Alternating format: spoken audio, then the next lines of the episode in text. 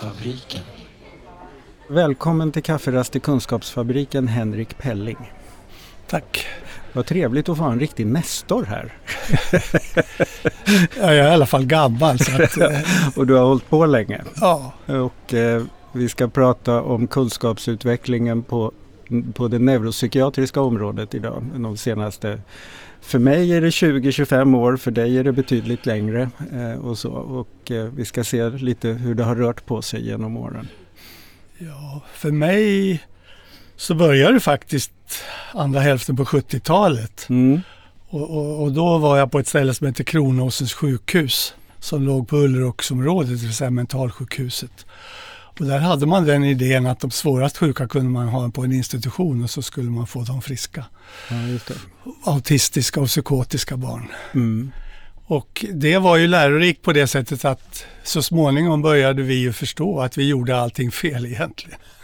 Vi gjorde saker värre helt enkelt. Ja. Och bara genom att, att avskärma barn från sina föräldrar har vi gjort ett, ett fel som nästan inte går att reparera. Just det, och det gäller väl inte bara psykiatriområdet utan all vård? Ja, och det gäller ju hela den diskussionen som är institutioner idag. Mm. Och där det visat sig i den här sista utredningen om hur man tar hand om barn att jag tror det var mycket, tre gånger så, eller fyra gånger så många som är på institution i Sverige motsvarande mot Norge. Varför då? Man, man, barn ska vara i en familj och sen får ju den familjen måste få mycket stöd när det är barn som är sjuka eller eh, behandlingshem och så vidare. Men, men med institutionen ställer till det. Alltså. Mm. Och, och sen försöker man inom institutionen göra det så bra som möjligt. Man kommer aldrig ikapp för man skadar ju mer med själva institutionen. Intressant det där. Jag hade eh, i tidigare avsnitt här en eh, kvinna som pratade om, om eh, heldygnsvård för personer med självskadebeteende. Och just det här också logiken i att att vården tänker att ju mer och ju mer intensiv vård vi ger desto bättre måste den ju vara. Mm. Men det kanske inte alls är riktigt så man borde tänka. Nej, och sen handlar, man, man hamnar ju i ett totalt överläge på institutionen. Det, det, blir en, sån makt, det blir en maktbalans ja, både mot patienterna men också mot föräldrarna. Ja. Så man förstår inte själv vilken övermakt man har. Men vi ska säga också några, du ska få presentera mm. dig lite mer eh, formellt. Du är... Jag är barnpsykiater. Barnpsykiater, ja, har, det, det, har varit min mm. specialitet hela tiden. Ja. Och, när började du jobba? Ja, det var då i mitten på 70-talet som jag började jobba inom barnpsykiatrin. Då. Sen har det varit eh, det som jag håller på med så att mm. säga. Då har du 50 år här nu då? Ja, ja mm. och jag arbetar faktiskt en vecka i månaden nere i Visby bara för att jag tycker att det är ett spännande och viktigt arbete. Ja, just det. Och det... Jobba upp i Visby då. Ja just det, jag tänker också utifrån det vi ska prata om idag med kunskapsutvecklingen så är det ju dels att det hela tiden händer saker på området och det finns fortfarande massor att lära sig. Ja, verkligen. Mm. Du nämnde här nu när du hade jobbat på vad det nu hette på Kron Kronåsen. Ja. ja, just det. Förstod ni vad som var neuropsykiatriskt då eller hur såg man på, på de här grejerna? Nej, vi, vi förstod väldigt lite om mm. man ser det tillbaka. Mm. Och vi hamnade ju i att vi försökte vara snälla rent allmänt. Mm. Men det lyckas ju inte bra. För man måste ju verkligen eh, börja i den här änden med en diagnos. Och så titta vad är det som är kopplat till den här diagnosen och vad är det som fungerar och inte fungerar. Ja, just det. Och vad var det för och, diagnoser som började ta form då, då? Ja, det var ju egentligen alla diagnoser som, som det stora brottet, det ser jag, det var 1980. Mm. Då började man få ordning på det här som heter DSM-systemet. DSM-3 kom då. DSM står för Diagnostic and Statistical Manual of Mental Disorders och är ett system för att kategorisera psykiatriska sjukdomar och tillstånd. Och där gjorde man det enkelt för sig på ett sätt. Mm. Men det var bra på den tiden. För allting handlade ju väldigt mycket om en, en fruktlös diskussion. Vad är arv och vad är miljö? Ja, just det. Och vi kunde inte, vi hade ju ingen ingång i generna egentligen. Nej. Och vi hade ju väldigt lite forskning kring de här olika miljöfaktorerna också. Mm. Så att mycket blev ju fruktlöst helt enkelt. Då får man gå på det man ser och se vad som händer ja. utifrån vad man gör. Ja, ja, precis. Och det var DSM.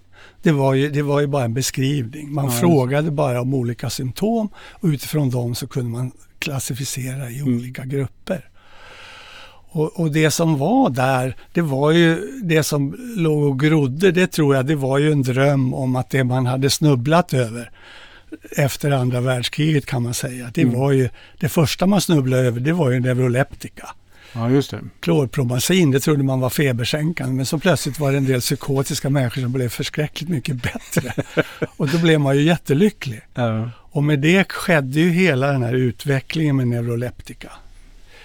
Och det var också en man som, som eh, också halvt slumpvis, han trodde att han kunde driva ut urinsyra och skulle få folk bättre, som gav dem litium. Och det var ju fel teori och allt var fel, men de blev ju bättre också. Ja, en del.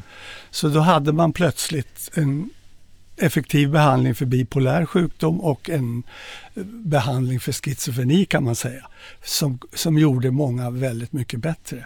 Och det var ju startskottet för att göra om hela psykiatrin och alla, ja, alla slut, stora mm. institutioner och börja lägga ner dem och så vidare. För det blev mycket enklare att hantera de här sjukdomarna. Men, men då tänker jag också att då hade man ändå, då hade man ju identifierat två sjukdomar eh, så att säga. Men sen så fanns det ju massa andra patienter som, som hela tiden rör sig mellan de här olika uttrycken. Eh, ja. Och, och, som, där det inte funkade med de här läkemedlen. Nej men då var det en grupp där man också hade snubblat över. Det var några busar i, på, som var inspärrade där i New York som hade ont i huvudet och då fick de centralstimulans. Ja. Aha. Och då blev plötsligt en del av de där väldigt mycket snällare och koncentrerade och mindre impulsiva och slogs mindre. Och då blev det aha, vad gör vi med centralstimulans och de här? Aha, så då upptäckte man liksom ja, man, diagnosens kärna via att man råkade ge ett läkemedel? Ja. ja. Och som man använde för att banta och för att köra långa pass med långtradare och allt möjligt på den tiden. Just det. Och, men, men, men då hittade man det här och det var ju också en ingång till men vad är det här? Mm. Och det blev hela ingången till det som man kallar för ADHD. Då. Det. Och det fick sin fasta form då i DSM-3 1980. Just det. Och, och, och, det, var ju, det var ju lite fantastiskt att bara för att man hade de här hyperaktivitet, impulsivitet eh, och, och eh, mm. svårt med uppmärksamheten, att den triaden ofta kan bli betydligt mycket bättre med medicin. Det var ju ett jättestort framsteg. Alltså. Men då var det också den delen av neuropsykiatriska spektrumet så att säga, som, som hade ett tydligt uttryck. Ja. I, i form av eh, koncentrationsproblem och, och, ja. och, de sakerna. Men inte de andra, det som vi vet mycket mer om idag. Jo, men det andra fick man ju också napp på. Mm. Så att de som hade ångest och depression och även tvång de, en del av dem blev ju väldigt mycket bättre med Också, SSRI. Ja, ja. Antidepressiva, mm. det kom först en annan grupp, tricyklika, som var lite mer de? giftigt. Det var egentligen, det var redan då, alltså på, mm. på 60 okay. 70-talet så kom de här medicinerna. Så mm. då hade man tre stora grupper, ångest, depression, ADHD och psykos. Mm. Och då riggade man, kan jag se i efterhand, väldigt mycket av DSM-systemet efter det här. Ja, För det var ju liksom det läkemedelsindustrin tar. Tänk om vi har bara tre stora grupper som vi kan behandla med våra preparat. Mm. Och alla de här ska ha de här preparaten, det är ju en guldgruva. Ja förstås. Och psykiatrin eh, rättade sig i ledet där då eller? De rättade sig i ledet. Ja. Och i och med att man införde det här systemet så slapp man allt tjafs om orsak. Eftersom det ja, var bara en det. beskrivning. Precis. Men då kastade man ut barnet med badvattnet kan jag tycka. Ja, för det är väldigt viktigt att fortsätta att leta efter orsaker. För hittar man orsaker kan man ju ta bort en del utav mm. Men det, det, det la man helt ner. Och det är oavsett då om orsaken är miljö eller arv? Ja. Men man spolade bort bägge Man spolade de bort på mm. båda, båda, eh, båda de sakerna egentligen i praktiken. Mm. Men det hade det goda med sig också att man kunde se vad är det som fungerar. Ja. Och då hittade man ju metoder som verkligen fungerade. Och det var ju den här kognitiva beteendeterapin. Mm. Att man kunde påverka saker. Ja, och, det. Och, och, det stora genombrottet var ju att man kunde liksom gå på, mm. exponera för en svårighet där man försökte att gå runt istället. Och då ställer hjärnan om sig helt enkelt så ja. att man blir, får inte panik längre. Just det. För innan dess så hade de mer terapeutiska inslagen var psykodynamiska då? Innan. Ja, alla ja. hade ju varit det i stort sett. Ja. Och, och, och det var ju ett, ett, steg i sig när man började med det för att man närmade sig, man försökte lyssna, man försökte förstå. Ja just det, det finns, precis. Det finns en mm. positiv mm. sida av det och mm. det var ju en del i att, att göra de här stora mm. mentalsjukhusen bättre och, och mänskligare och så vidare. Där hade den här psykodynamiska inriktningen. Men den psykodynamiska inriktningen hade också en stor nackdel. Att de trodde att de kunde på något sätt ha någon sorts diagnos. De kunde sätta någon stämpel som man kunde använda och det kunde de inte. Mm. Och det gjordes i samband med det här DSM när man skulle utforma det systemet så, så, hade man välutbildade psykodynamiker som fick träffa samma patient. Ja. Och så fick de till nästa psyko och så vidare. Och de kunde inte komma överens över, som två öre. För det här eh, nevrosläran den var ju, den var ju så oerhört subjektiv.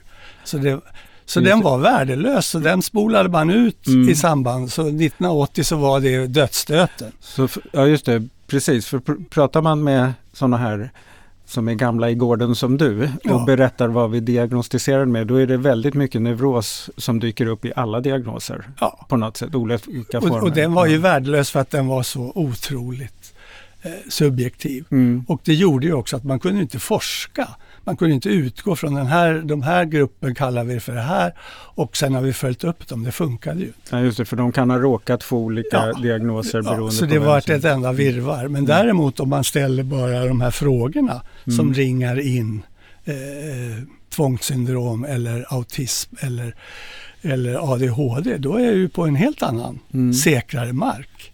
Mm. Och sen så kan man ju så att säga verkligen börja och titta på. Mm. Vad är det som har effekter? Och, och då, då var det de här tre olika grupperna utav mediciner som hade påvisbara effekter. Ja, just det. Så att även om läkemedlen var lite skott i blindo på ett sätt ja. eh, så, så blir de nycklar i, i, i det här kunskapsbygget på något sätt. Kafferast i Kunskapsfabriken. Och så var det också så att eh, parallellt då så började man titta på vilka psykologiska interventioner har effekt. Ja, just det. Och, och, och, och, då visade det sig att de här sakerna gick ju bra att kombinera så att säga. Just det, de här läkemedlen och de mer beteendeinriktade behandlingarna. Ja, just det. Mm. Och vissa av de här sakerna hade man ju ingen som helst effekt egentligen, snarare negativa effekter. Man försökte ju med autism och ge dem neuroleptika för att de ska vara lite lugnare och mer mm. hanterbara. Men då slutar de ju interagera med omgivningen överhuvudtaget. Då satt de ju som, som zombies. Ja, så då hade man ju skadat dem. Mm. Och, och, och, och, och, där var det ju viktigt att gå in på bara den här beteendeterapeutiska. Mm. Hur ska man lära de här barnen att kommunicera. De gör inte det. Små barn börjar att le och tillbaka och kommunicera helt spontant. De här gör inte det utan någon anledning. Mm. Och det vet vi idag att det finns många olika anledningar varför de inte gör det. Men det går att lära sig. Det går mm. att tränga igenom den här barriären. Det går genom starka belöningar att få dem att förstå. Men det här var ju bra. Ja, just det. De får lära sig det som andra kan automatiskt. Mm. Jag brukar alltid ta det exemplet med ögonkontakt. Det kan vi allihopa. Mm. Det kan ju även en, sex månaders bebis. Ja, just det. det här är roligt liksom. Mm. Nu tittar jag på min mamma och pappa och så blir jag själv glad och så blir de glada. Mm. Men det där funkar ju inte äh, inom autism. Så de måste lära sig även det och andra saker också. Var det där sånt som de där företeelserna, var det något sånt som ni liksom hade som indikationer då när du började med det här att här är ett barn som inte tittar i ögonen eller var det där något man inte ens tittade efter? Jo, man tittade ju efter de här sakerna, man kände ju igen det. Mm. Men man vågade sig inte ge sig på det. Vi, vi tassade här... runt hela tiden. Okay. Mm. Och vi väntade någonstans på att de skulle vakna till liv. Mm. Och genom vår godhet och snällhet så skulle de förstå att när vi kastar en boll till dem så skulle de kasta den tillbaka. För det gör barn. Mm, just det. Men de gjorde aldrig det. Nej. Så vi kunde hålla på år ut och år in och kasta den där bollen och sitta i ring och så vidare och försöka ha en god stämning. Men vi gjorde ju helt fel. Ja, vad borde ni ha gjort då? Om, Ja, vi skulle ju ha gett dem alltså, kramar och godis och vad som helst Mm. när de råkade första gången kasta tillbaka bollen. Och sen skulle de förstå och sen skulle de så småningom börja Utveckla spela fotboll med oss. Ja, utveckla en färdighet. Mm. Men vi, hade liksom, vi kunde inte tänka så vi såg det som ett övergrepp. Så här gör, vi, vi, vi hade ju fördomar mot de här beteendeterapeuterna. Vi tänkte att så här uppfostrar man sjölejon på cirkus. Genom att ge dem lite godis så kan de få det göra vad som helst. Och så kan man inte göra med barn. Nej, men då kan man inte heller få ett autistiskt barn. Då kan de sitta där och vara autistiska resten av livet. Just det. Utan, utan vi kan gå igenom den här barriären och vi kan få fram en helt andra möjligheter som de också kan bygga vidare på. Sen är det väl dessutom så att det där gör man väl visst med barn hela tiden. Fast mycket mer subtilt. Absolut.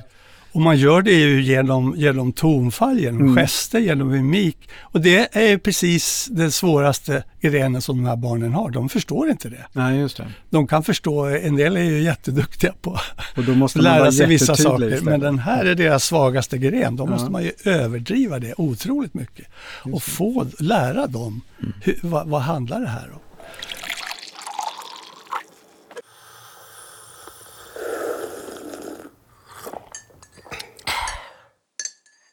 Kristoffer Gillberg, han, han tog ju sig an det här från grunden. Ja, Så han, han tittade ju, han gjorde en ganska enkel undersökning av sexåringarna ett år i Göteborg mm. och såg hur kunde de klippa runt en cirkel och kunde de sitta stilla på en stol och så. Och de som inte kunde det, ja, då gäller det att följa upp dem. Mm. Och det gjorde han också. Och ända fram tills de var 22 år. Det kan man säga ADHD, DAMP eller vad man säger. ja just det. Den Och gruppen- när, vilka år var det här? Det var, Ja, det var ju... Är det 70-80-tal? Alltså? Ja, det, Det det, det, det började ju på, på 70-talet, Ja. hela den här eh, letandet. Och sen blev det ju färdigt då på 90-talet. Mm. Så kunde man berätta att nu har de här växt upp. Och det var också lite avslöjande för hur dålig på ett sätt den här DSM-diagnostiken. Den var bra på ett sätt. Mm. För den tog bort massa diskussioner om ingenting. Ja, Men, men det var ju också så att egentligen är inte det här en diagnos. Nej. Det har blivit som en diagnos. Det är en screening. ja, Det är ju det. bara ett antal frågor. Ja, just det. Och den screeningen faller ut ganska bra för de som verkligen faller ut ordentligt där, de kan många må väldigt bra utav att man får en omgivning som förstår Mm. deras svårigheter. Plus att en del blir väldigt mycket bättre med mediciner. Och, och så, så att eh, man, man, eh, man, kom fram där, men, men i hans uppföljning där, Mm. när de var 22 år, då var ju hälften hade ju, det hade ju gått bra för dem. Det var Ja, ju, just det. Precis. och hälften hade ramlat i diket på en massa olika sätt. Mm. Några rejält då. Ja. I missbruk och kriminalitet och eh, ja, eh, depressioner och rubb och stubb. Alla andra och, och självmordshandlingar och ja, du vet. Det var, det var liksom svår psykiatrisk sjukdom ofta en del hade utvecklats Mm. på grund utav det här. Och så- Oförståelse för deras grundproblematik och i och med att de hade misslyckats med skola och yrkesliv och så vidare så, så hamnade ju de i otroliga svårigheter. Men de Ja. andra som klarar det här som var lite impulsiva och lite hyperaktiva som små men som sen var som Emil i Lönneberga och Mm. blev ordförande i Kommunstyrelse. kommunstyrelsen. Alltså, den finns ju gruppen också. Ja, just det. Och den här, den här DSM var jättedålig på att skilja ut de här grupperna. Ja, just det. Men det är, det är ju intressant just den här det tveeggade, eh, att, att det är i sig inte en ohälsa. Utan det är någon slags funktionsförutsättningar och har man väldigt grava eh, svårigheter så är det större risk att det går på tok. Ja. Ha, har man eh, svåra förutsättningar men en bra omgivning så är det ganska stora förutsättningar för att det ska gå bra ändå. Ja. Ja, just det. Det här är ju, det här är ju eh, ett spektrum. Mm, När det gäller autism så kallar man det för autismspektrum. precis. Men inte när det gäller ADHD, men det är ju också ett spektrum naturligtvis. Ja. Och, och, det blir ju lite, och ligger man på den dåliga sidan av spektrum då behöver man mycket mera kunskap. Ja. Och mycket mer förståelse och mycket mera hjälpmedel och mycket mera träning för att, för att få det här ja, att funka. Det. Ja. Så det är, det är en gradskillnad där också. Men en del klarar ju sig i princip själva. Och det har man ju sen inte riggat de här systemen. För, för de systemen som vi sitter fast i idag, mm. det är ju långa köer som jag kan se är helt onödiga. Är det också så att man egentligen kanske inte skulle behöva så att det är det specialistpsykiatrin som i alla lägen är den bästa stödjande? Eller är det, är det någon annan typ av... Det ska ju finnas i hela samhället kunskap om det mm. här. Och, och vissa saker finns ju kunskap. Jag menar, vi hade ju inte så mycket allergier och födoämnesallergier och så vidare. Det fanns ju knappast. Nej. Nu är det snart hälften av alla barn. Så ja. vi har ju gjort någonting med hela vår miljö. Men vi har ju väldigt duktiga på att anpassa oss till det. Alla vet att det måste finnas alternativ i kosten. Men, men, men vi måste ju inrätta oss för det här också. Ja, just det. Och, och, och, och, där är det ju kunskapen om, om, om, om förskolläraren, läraren och föräldrarna och kompisarna vet lite om det här. Ja, just det. Det handlar ju på något sätt om att göra alla miljöer och forum tillgängliga ja. och eh, hanterbara för, för alla. Mm. Och där kan jag ju se det är en fantastisk utveckling. Om man ser på 1980 till år 2020 ja. så är det en fantastisk utveckling. Ja. De som kommer nu till barnpsykiatrin, de har ju redan ofta klart för sig.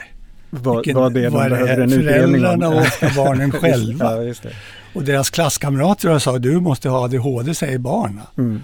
Och föräldrarna har läst på, de vet också att det är ADHD.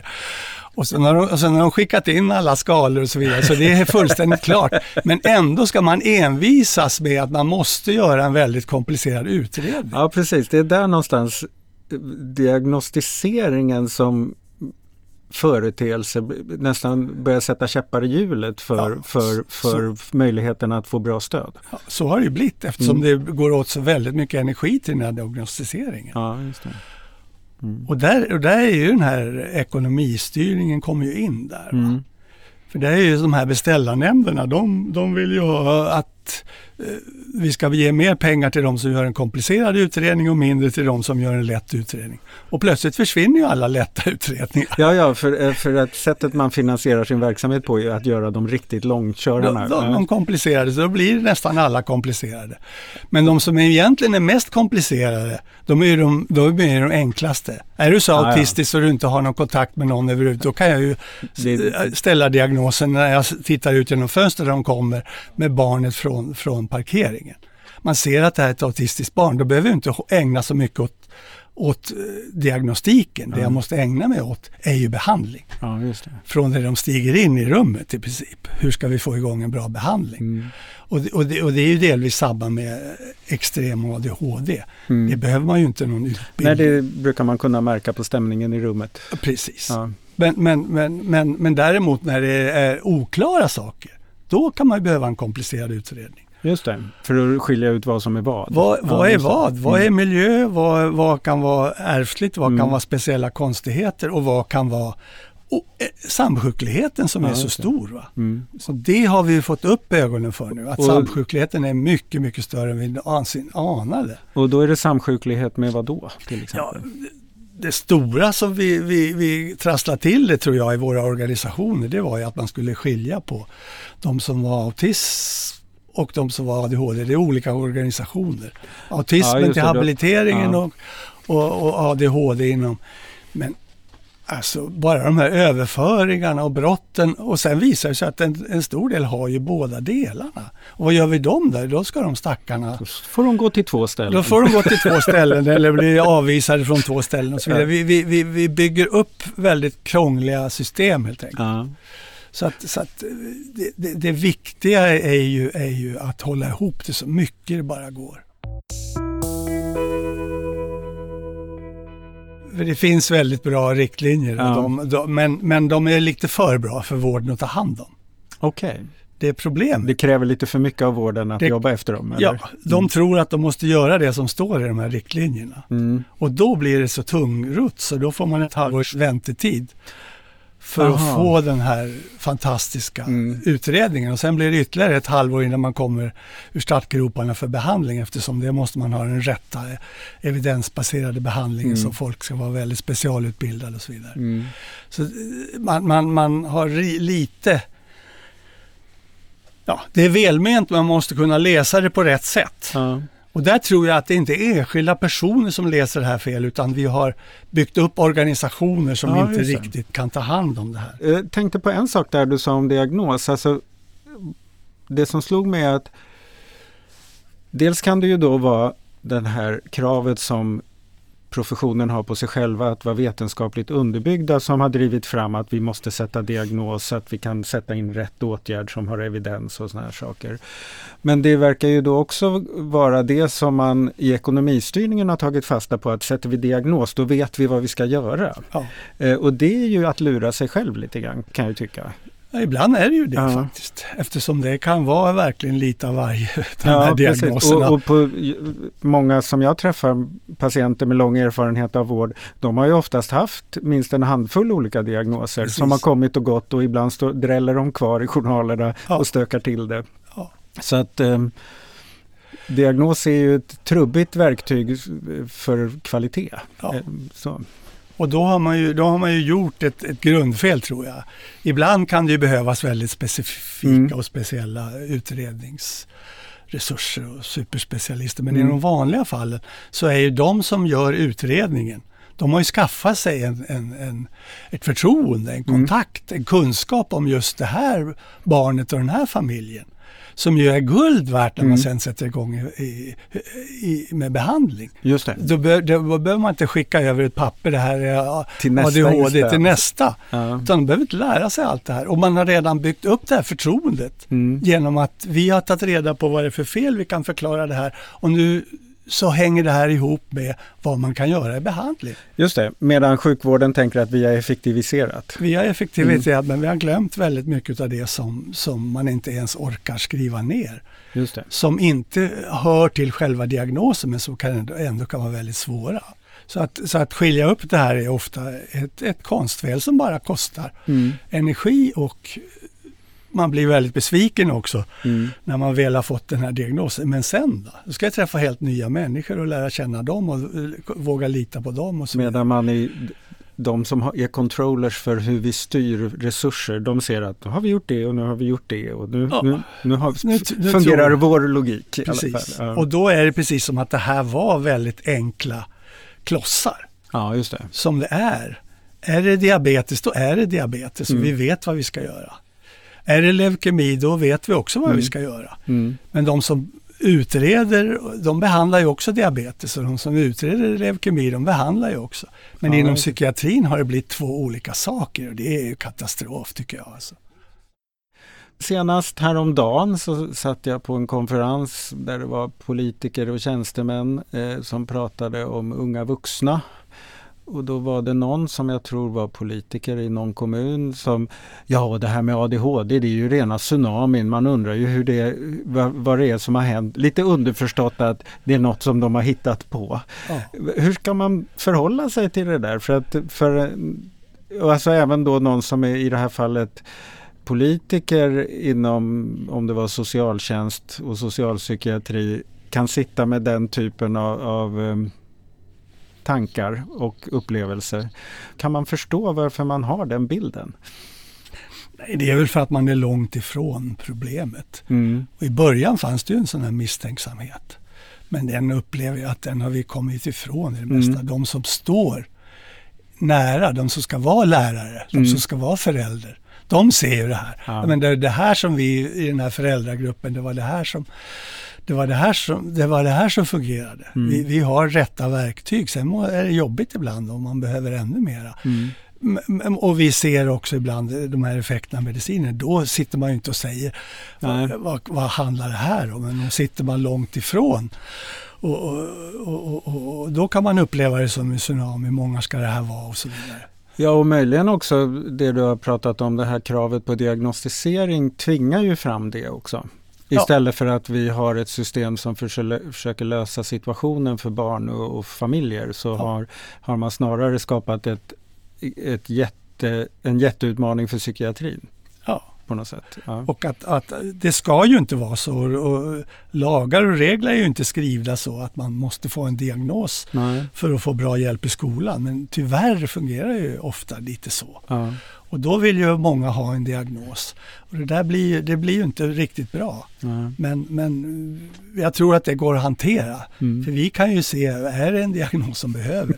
och sen dessutom den här utvärderingen. Hjälper de här, då ska de ju få den hjälpen. Ja, just det. Och, och, och är det inte alls så, då får vi, då får vi fundera. Mm. Vad, vad, vad var det som gjorde fel?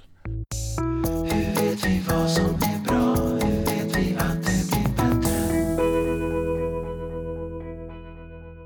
Du sitter med i Attentions expertråd, är det så? Ja, ja. Just det, och det har du gjort ganska länge. Ja, jo. Vad, vad blir din roll där? Nej, det är väl att ge feedback från hur det fungerar ute i vården. Så att Ja, ja, just det. För den har du fortfarande in... För ja. de undrar varför, varför gör vården varför så här? Varför är det så här? Varför ja, är det så långa väntetider och varför, mm. varför blir det så mycket Just det. Och, och, och, varför kommer de här ständiga frågorna när man ifrågasätter alltihopa mm. och vill börja om från början? Ja, det, det finns inte. Det vore ju skönt om det, om det inte fanns. Ja, just det. Men vi har fortfarande våra problem. Vi oavsett vad ni våra... säger finns eller inte. Ja. ja. just det. Och där kan jag säga att, att det var väldigt bra när det kom 1980. Mm. Och sen har det hållit i sig det här DSM-systemet. Men nu är det ju bedrövligt föråldrat. Där Aha, ser jag ju framtiden. Okay. Ja. Vad, vad att, behöver man göra åt Att man skräddarsydde det efter de här som jag sa, de här tre huvudgrupperna mm. utav mediciner. Eh, delvis. Ja, men, nu, men, men, nu har man utforskat de här. Vi vet vad vi kan göra med de här olika medicingrupperna och optimera det. Mm. Men, men vi har ju så mycket kvar som vi måste göra. Vad borde man göra nu då? Nu borde man ju alltså eh, spräcka det här ordentligt och dela upp det. Mm. Och, och, och, det, det, är ju, och då har man ju en möjlighet för det man gjorde med, med, DSM från början, det var ju att man tog bort hela det här. Vi struntar i orsaken, vi behandlar det som är. Men nu kan vi ju se in i en mängd olika biologiska system och se, det. är det något fel på dem? Kan vi rätta ja. till dem? Och där ökar ju kunskapen explosionsartat. Att inte ta vara på den uh, utvecklingen. Där, där, är, där ska ju hela psykiatrin vara i skamvrån. För där har man lärt sig att vi behöver bara frågor och svar så kan vi ställa diagnos. Det skulle ju aldrig komma, man skulle inte komma på tanken om du hamnar inom reumatologi eller neurologi. Alltså, det, det, det, det, står ju inte på kartan. Man, dels är det frågor och svar som man tror att men det här kan ju vara diabetes, det här mm. kan vara sköldkörtel. Men sen tar man ju prover för guds skull. Mm. Och det borde man kunna börja göra på psykiatrin? Det måste man göra och det gör man ju i praktiken ja. inte alls vi har inga hormonprover, vi har inte ens melatonin. Mm. Och där vet vi att många eh, kan inte sova alltså, framförallt inom autismgruppen. Och en del av dem har alltså fel inom sina melatoninsystem. Mm. De antingen producerar för, för lite eller också har de mottagarceller som inte klarar det här ordentligt. Men mm. det, ska, det, det, kan man ju för Det kan man kolla upp. Veta. Men det, vi har inga sådana prover. För och, och, och, och, det är ju samma sak med när man nu ser att en del har ju faktiskt, eh, det handlar ju om immunologiska. Mm.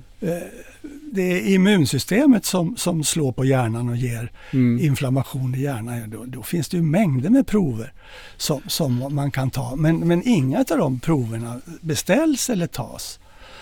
Men forskningen ligger väl där, eh, tänker jag att eh, nu de läkemedel man, som man tar fram nu bygger väl mer på att man har studerat vad som faktiskt händer i kroppen snarare än att man, man har råkat hitta något som fick en effekt. Ja. Uh, och om jag förstår dig rätt så borde den typen av kunskap också leda till att man i vården tar reda på andra saker. Ja. Och det blir väldigt dyrt och väldigt svårt om man ska göra det på alla. Det är det jag menar. Går det enligt planerna och det är mm. lite okomplicerad ADHD, då, då, då behöver vi inte ha en massa prover. Men när det så fort det inte riktigt funkar, mm. då borde vi ta fram det här Mm. Och det, det, man brukar kalla det för omik nu.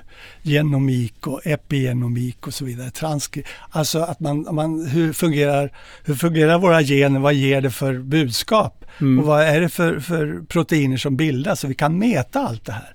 Vi kan mäta hela vår metabolism på ett helt annat sätt. Mm. Och det har man nu börjat med när man, när man ska inom cancervård och så vidare. Att man, att man man tittar på hela, mm. hela, hela genuppsättningen. Var, var, var, var sitter felen? Och då har det visat sig väldigt komplext. Men vad då?